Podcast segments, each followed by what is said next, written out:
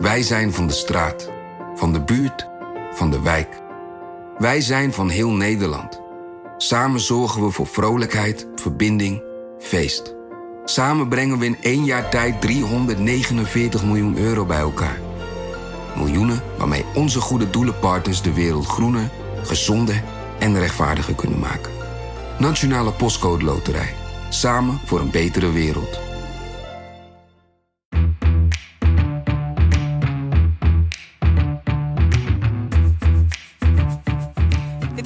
Zaken van NRC. Mijn naam is Lemia Harouai.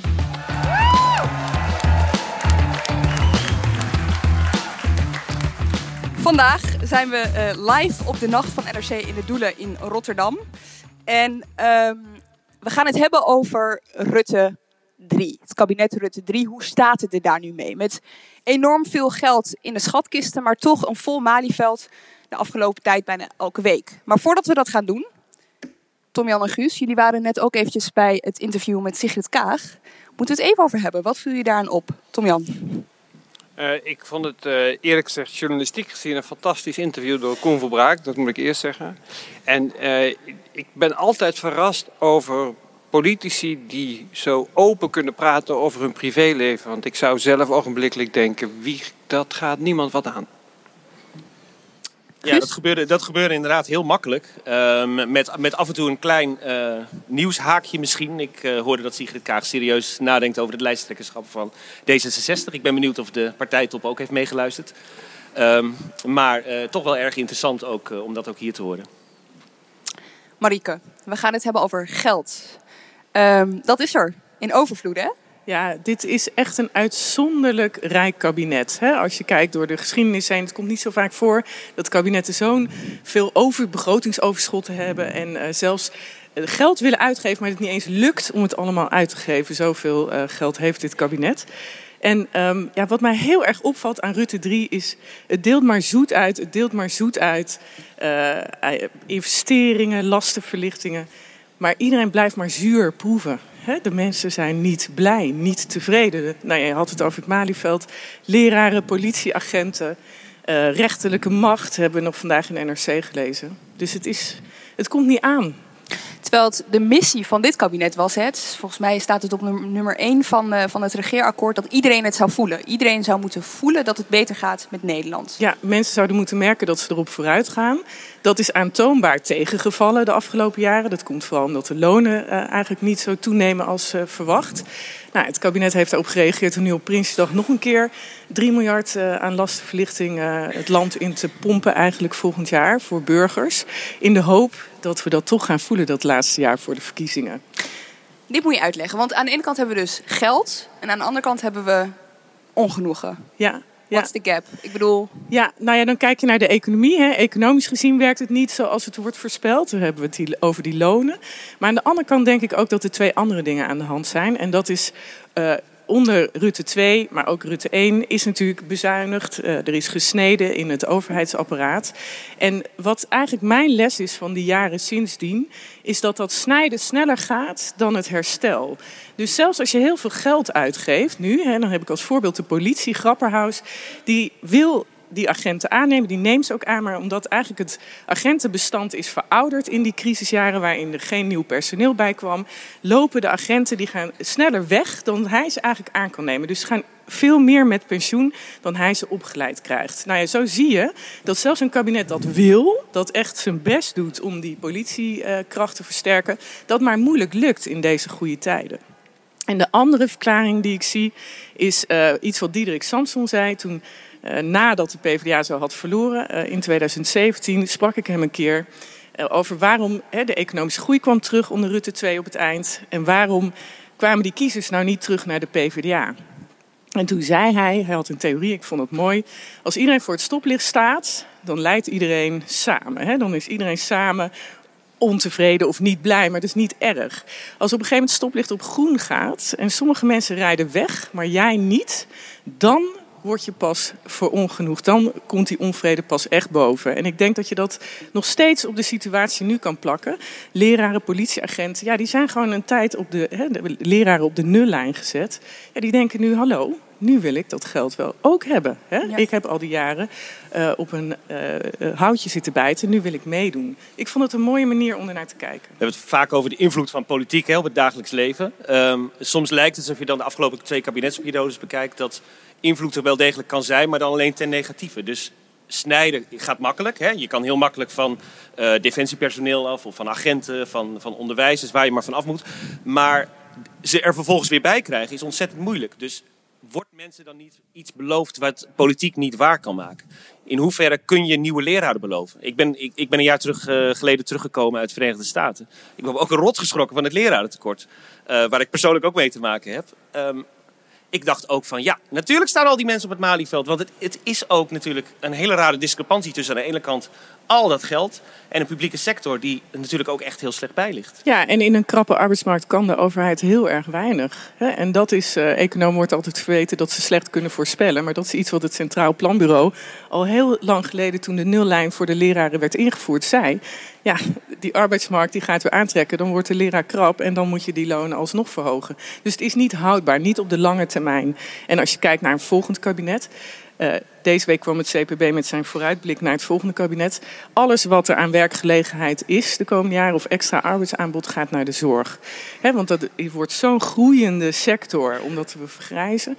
Dat je eigenlijk ook daarin ja, al een enorme beperking hebt wat je als nieuw kabinet kan beloven aan extra mensen. Omdat daar uh, al zoveel wordt gevraagd. Ja, je hebt, als we het hebben over snijden van, uh, van, van banen, dan gebeurt dat vooral in crisistijd. Hè? Uh, we hebben natuurlijk een, een, economische crisis gehad zo rond 2010. Toen zijn er een heleboel mensen op straat gezet. Um, nu moet je weer letterlijk op zoek gaan naar die mensen. En dat vind ik altijd heel erg fascinerend in het beloven van um, meer geld voor bijvoorbeeld leraren. Um, dat geld ligt er, dat is er, dat wordt vrijgemaakt. We krijgen allemaal de persberichten op het moment dat dat zo is. Maar wordt het geld ook vervolgens uitgegeven? Ja, dat is dus moeilijk als je die mensen niet kan vinden. En je kan ook niet, dat heeft de Rekenkamer dit voorjaar heel mooi gezegd, je kan ook niet expertise zomaar terugkrijgen. Dus je hebt ook bepaalde inkoopfuncties bij het Rijk. Eh, voor de mensen die de, bij Rijkswaterstaat bruggen en wegen willen aanleggen of herstellen. Ja, die krijg je niet zomaar weer opgeleid. Dus je kan niet zeggen opeens, knip, ik heb deze mensen weer nodig. En dan is ook nog zo dat er natuurlijk ook in al die jaren allerlei reorganisaties zijn doorgevoerd bij de overheid met best wel goede regelingen. Ik denk bijvoorbeeld aan defensie. En daar zijn dan nu weer mensen nodig. Dus dat, je, uh, als je over die tijd heen kijkt, is misschien vanuit die kabinetten gezien begrijpelijk dat ze zo hebben geregeerd. Maar je zou eigenlijk een standvastiger idee willen hebben van wat de overheidsdienstverlening moet bieden en moet zijn, omdat je anders in dit soort situaties terechtkomt. Tom-Jan, ehm, de afgelopen, afgelopen weken zagen we week na week het Malieveld volstromen met allerlei uh, mensen die het inderdaad niet voelen dat het, uh, dat het beter gaat. Wat viel jou daaraan op? Nou, ze zeggen dat ze het niet voelen. Hè. Dat, dat onderscheid moet je om te beginnen maken. Um, wat mij het meest aan op is gevallen, eigenlijk sinds eind september, is dat het kabinet had, uh, Rutte 3 had een, stond er uh, in eigen ogen uitstekend voor. Riant, makkelijke algemene beschouwingen, mooie begroting, geen tegenspel uit de Kamer, een investeringsfonds met miljarden voor de toekomst. Schitterend verhaal. Twee maanden later is het kabinet zijn uh, invloed op de nationale agenda volledig kwijt. Uh, politiek is voor een belangrijk deel agendamacht. Dus je moet ervoor zorgen dat jij als regering het nationale gesprek een beetje gaande houdt.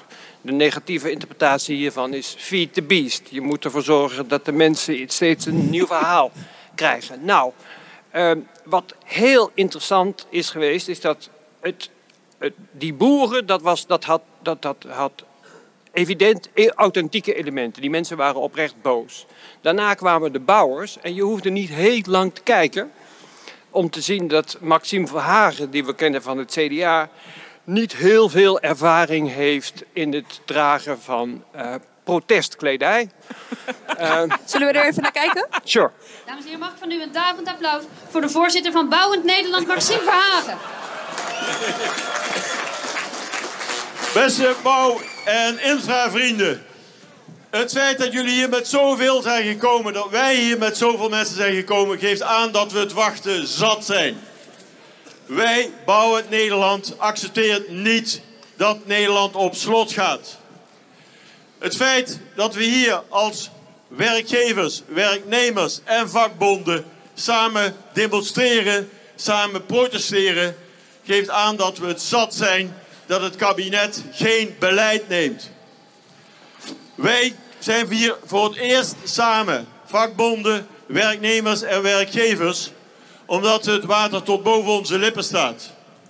Omdat we al het zat zijn dat we hier geconfronteerd worden met iets wat onthutsend is, wat stuitend is en wat onbestaanbaar is. Heel duidelijk ja, gehoord. je je, ziet moet wel zeggen dat je het zat bent. Ik vond het eh, Gerard Joling die het eh, Concertgebouworkest dirigeert.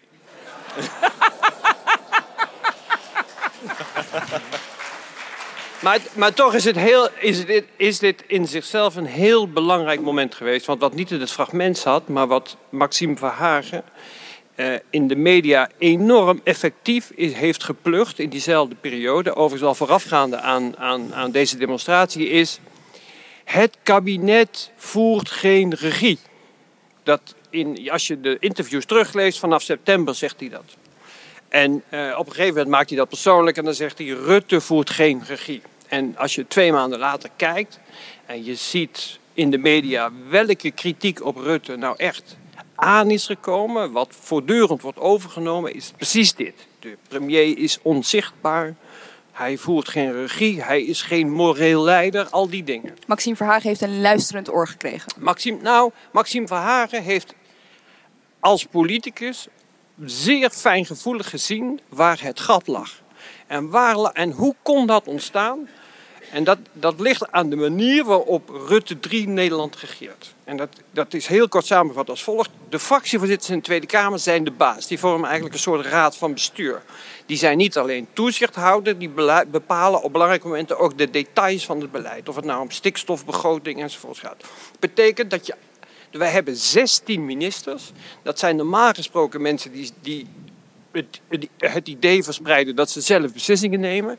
En in feite zijn die teruggebracht in hoge mate tot een soort van uitvoerende dienst. Dat is voor best veel van die ministers een gevoelig punt. Eh, zij hadden dat anders voor zichzelf bedacht.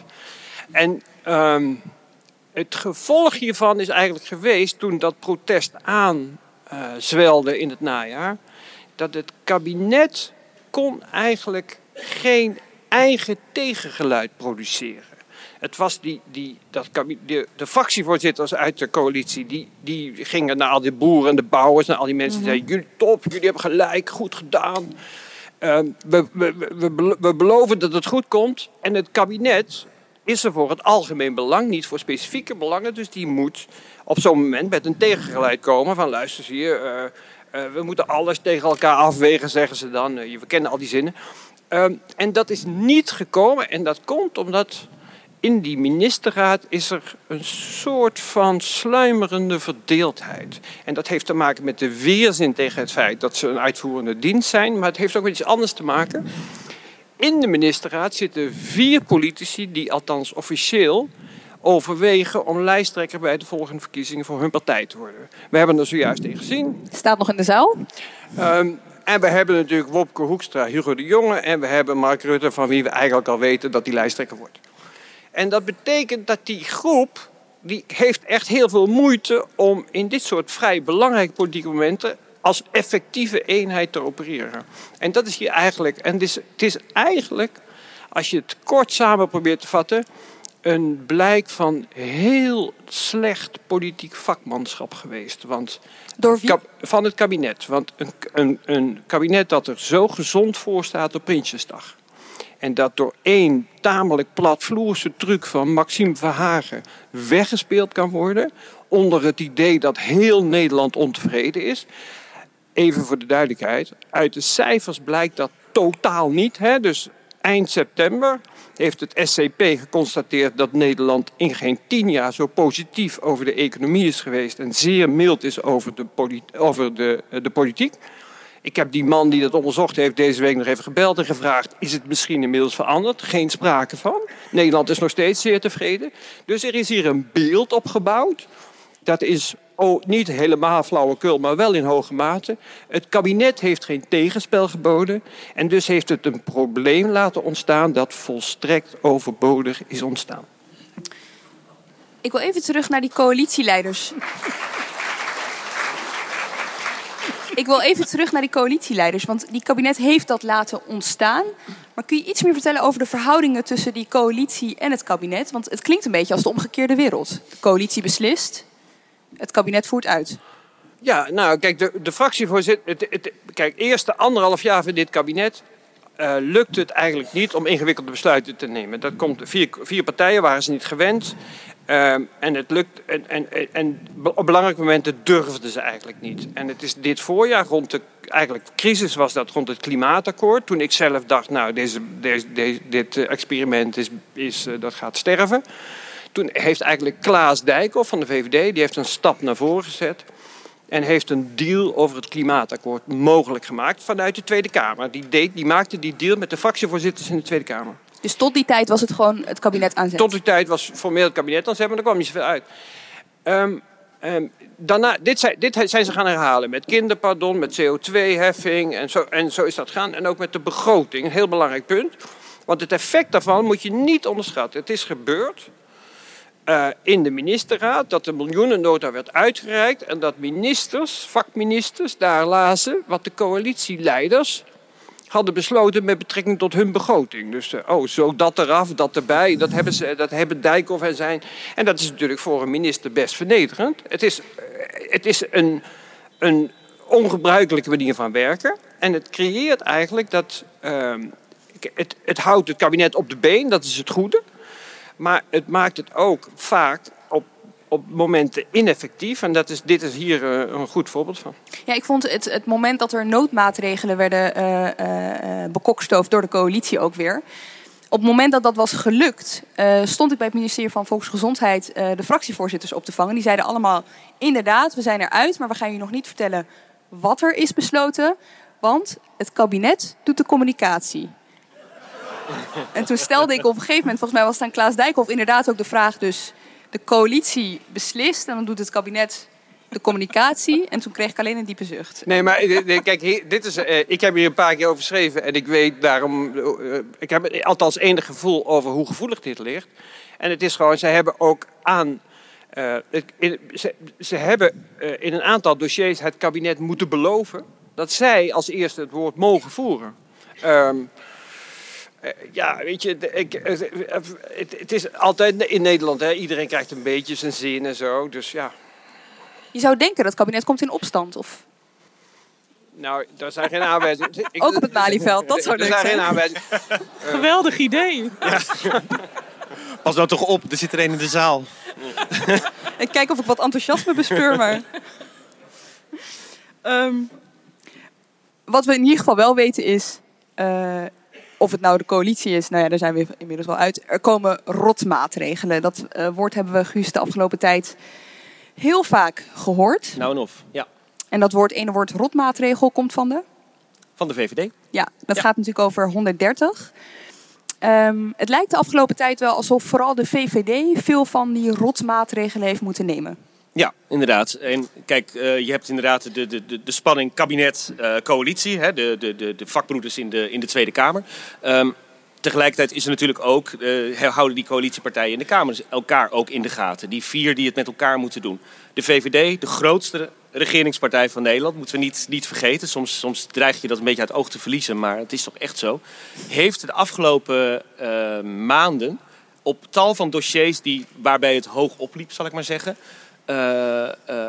meer dan in de beeldvorming uh, echt nederlagen geleden. En dan moet je denken aan de dividendbelasting, de, de verruiming van het kinderpardon, de CO2-heffing noemde je net.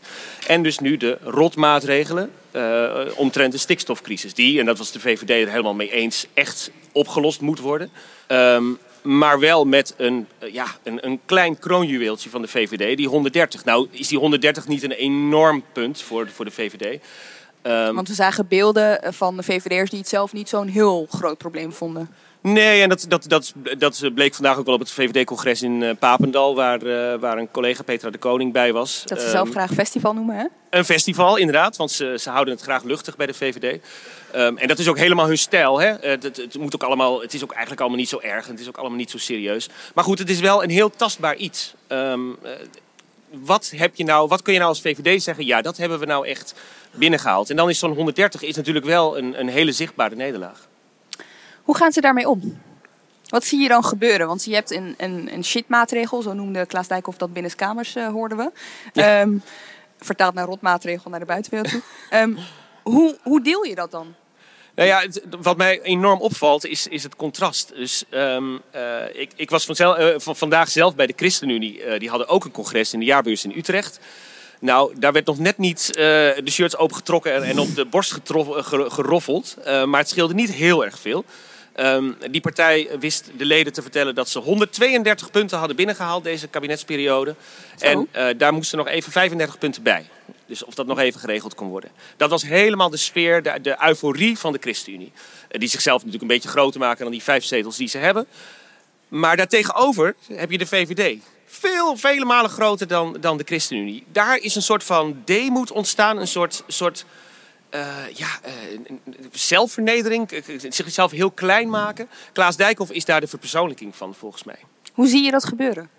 Nou ja, Klaas Dijkhoff uh, communiceert veel en graag met zijn achterban. Onder meer via sociale media bijvoorbeeld. En straalt het ook altijd uit. Nee, dit is niet wat we wilden. Nee, dit, hier hebben we inderdaad niet, niet het volle pond gekregen. Maar ja, het moet nou eenmaal. Balen, zegt hij dan, hè? Ja. Zullen we naar kijken? Het pact van Marrakesh. Dat is de laatste weken uitgegroeid tot een soort enorm schrikbarend verhaal. Uh, en als je de sommige schreeuwers hoort over het pact, dan staan er zulke verschrikkelijke teksten in en zijn de gevolgen zo groot dat half Afrika morgen op de stoep staat als we tekenen. Dat is onzin. Maanden praten over een pensioendeal en dan niet lukken. Dat is ontzettend balen. Uh, en eigenlijk heb ik de hoop nog niet opgegeven. Want de pensioenen moeten we iets aan doen. Voor de mensen die al met pensioen zijn, die bijna gaan, die midden in het werkleven zitten, die nog moeten beginnen met werken uh, en ooit met pensioen gaan, moeten we dat fixen.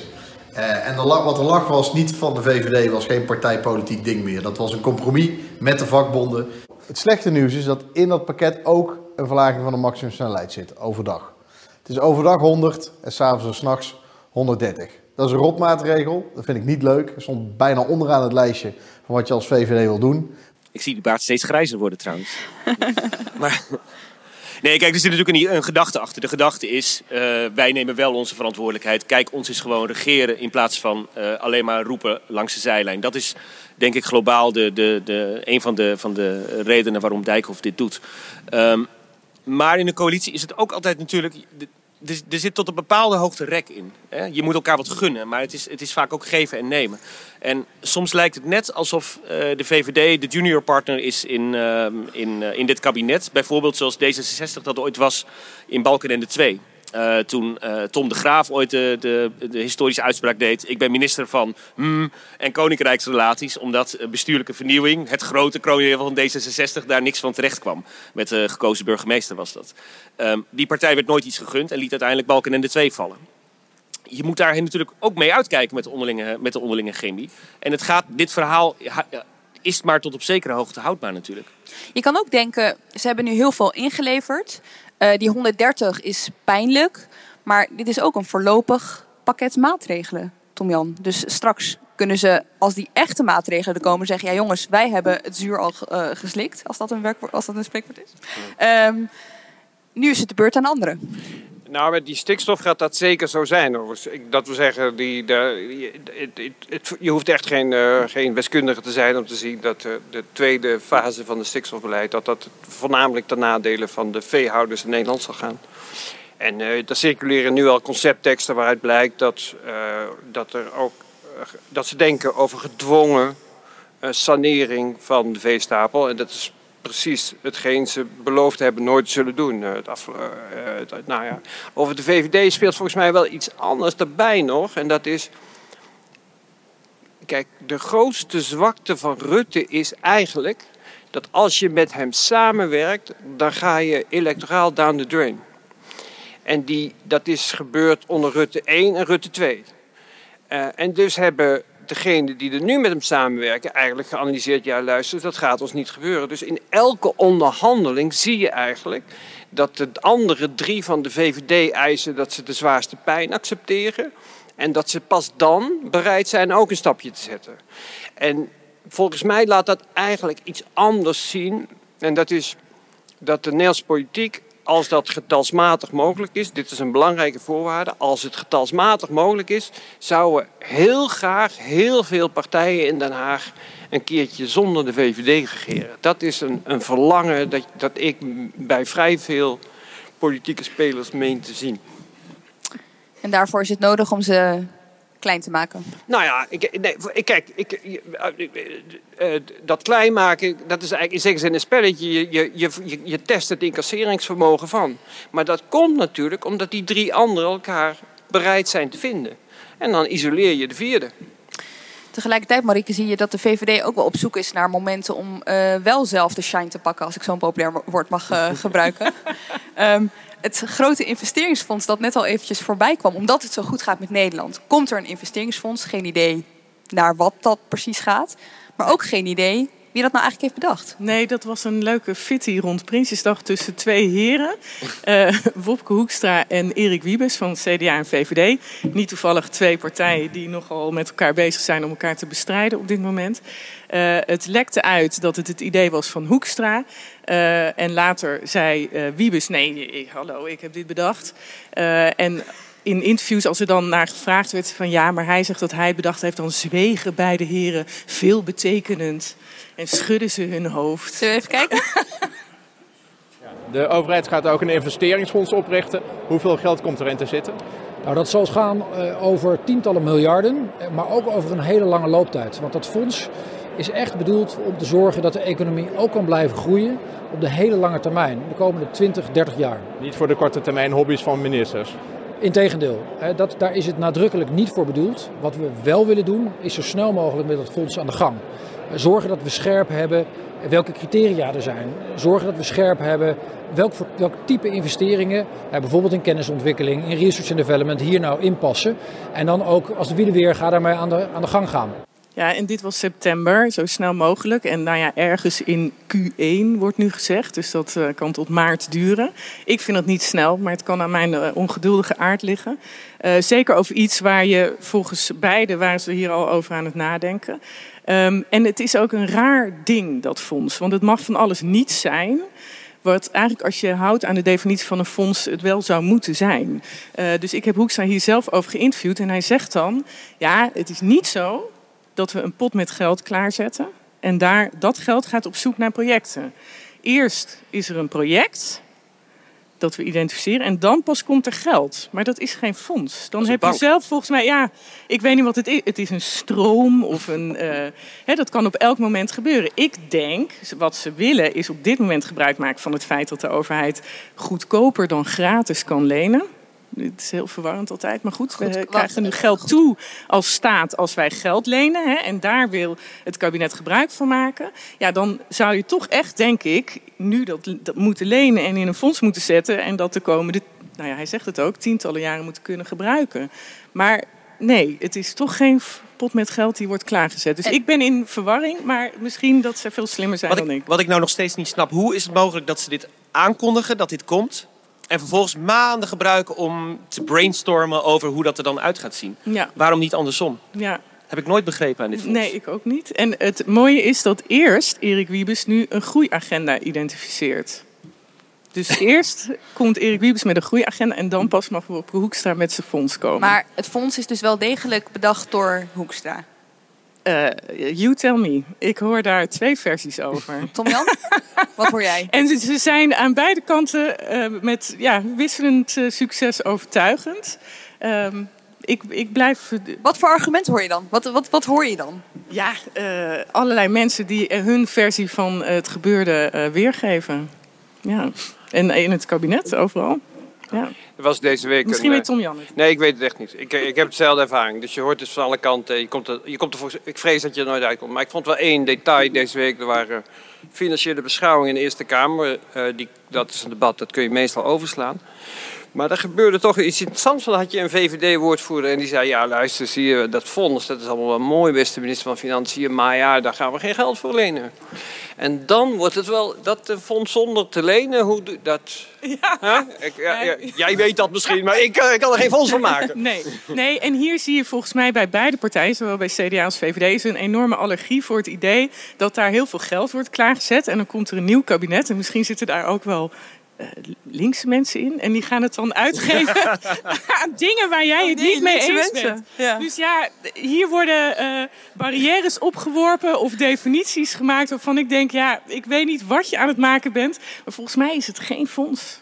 En ik ben ook benieuwd of het überhaupt komt hoor. En dan loopt het uit tot een soort van fiasco. En dan hoor je juist weer van allebei de partijen... nee, de ander bedacht het niet. Wij bedachten het. De ander bedacht het.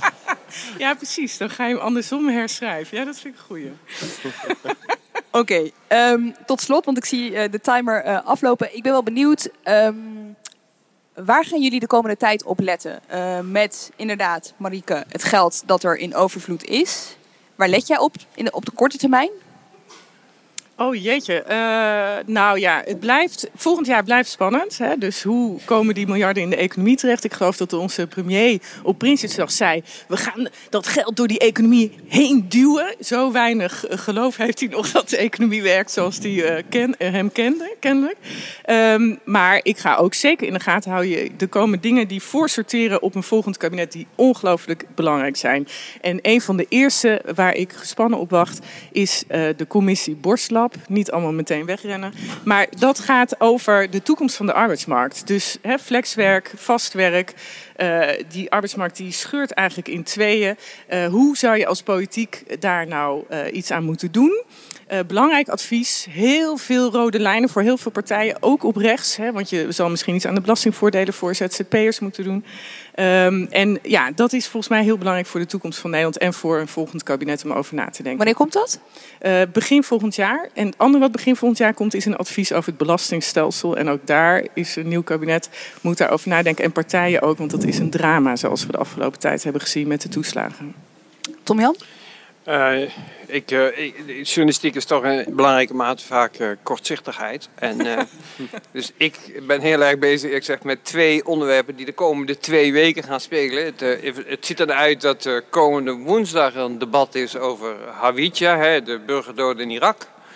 Dat is, je merkt dan alles. Ik heb vandaag in de krant geschreven dat het, dat het opmerkelijk gespannen blijft, alle overleg daarover. Ik heb niet het vermoeden dat mensen willen dat het kabinet hierop valt. Maar ik zie wel, eh, zonder in details te willen vervallen, dat het zo'n ingewikkeld probleem eigenlijk is dat minister Beideveld heeft gecreëerd. Dat het best is ongelooflijk moeilijk zal kunnen zijn om, dat, om daar een houdbaar verhaal van te maken. En één ding zal ik, wil ik jullie niet onthouden. En dat is dat je heel vaak hoort dat ehm, Rutte en Beideveld hebben afgelopen maandag ehm, eh, gegeten samen. En sindsdien hoor ik dat eh, Rutte eigenlijk van plan is om dat hele debat maar gewoon zelf te gaan doen. Dus dan zit de minister van Defensie er wel bij, maar dan doet hij het. En dat is omdat ik hoor dat er heel veel gaten zitten in, de, in het verhaal dat eh, de minister Beideveld aanvankelijk tegenover de Kamer heeft verteld. Eh, dus dat wordt, zij, voor haar is het echt heel moeilijk. En je kunt de coalitie beschermen als de premier dan eh, ook de verdediging of de onmogelijke verdediging van Beideveld voert. Een tweede ding, even snel. Stikstof. Denk niet dat u er vanaf bent. het moet nog beginnen. En eh, ook hierover enorme gespannen problemen, ingewikkeld. Ehm, eh, de ChristenUnie, die hebben vandaag een plezierig congres gehad, begrijp ik, met heel veel eh, verbeterpunten dankzij de ChristenUnie. Nou, er komt dus één versplechterpuntje aan. En dat is de veestapel, dus daar heb ik ook belangstelling voor. Het hoeft niet als Lelystad niet doorgaat. Ehm, ja, en nog, nog één waar we het helemaal niet over gehad hebben, maar waar ik wel echt op wil letten. Eh, dit, is, dit een uniek moment dat, dat de coalitie de meerderheid in de Eerste en de Tweede Kamer kwijt is. Dus ik wil ook wel even kijken naar eh, de oppositie de komende tijd. Want als er één moment is dat ze het eh, de coalitie moeilijk kunnen maken. Komende woensdag al een lastig debat met Bijleveld slash Rutte, wie er ook maar straks gaat staan. Ehm, maar het rare is dat de oppositie voor een belangrijk deel, denk ik vooral aan GroenLinks, natuurlijk al, al zichzelf als een soort uh, loyale oppositie uh, heeft, um, uh, heeft gepresenteerd. En ik ben erg benieuwd naar ja, hoe, hoe die wisselwerking eigenlijk gaat. Dat is iets waar ik de komende tijd ook wel heel graag op wil letten. U gaat het de komende tijd horen en lezen in NRC. Mag ik een hartelijk applaus voor Marieke Stellinga, Tom-Jan Meijers en Guus Valk. En Lemia Aharouai.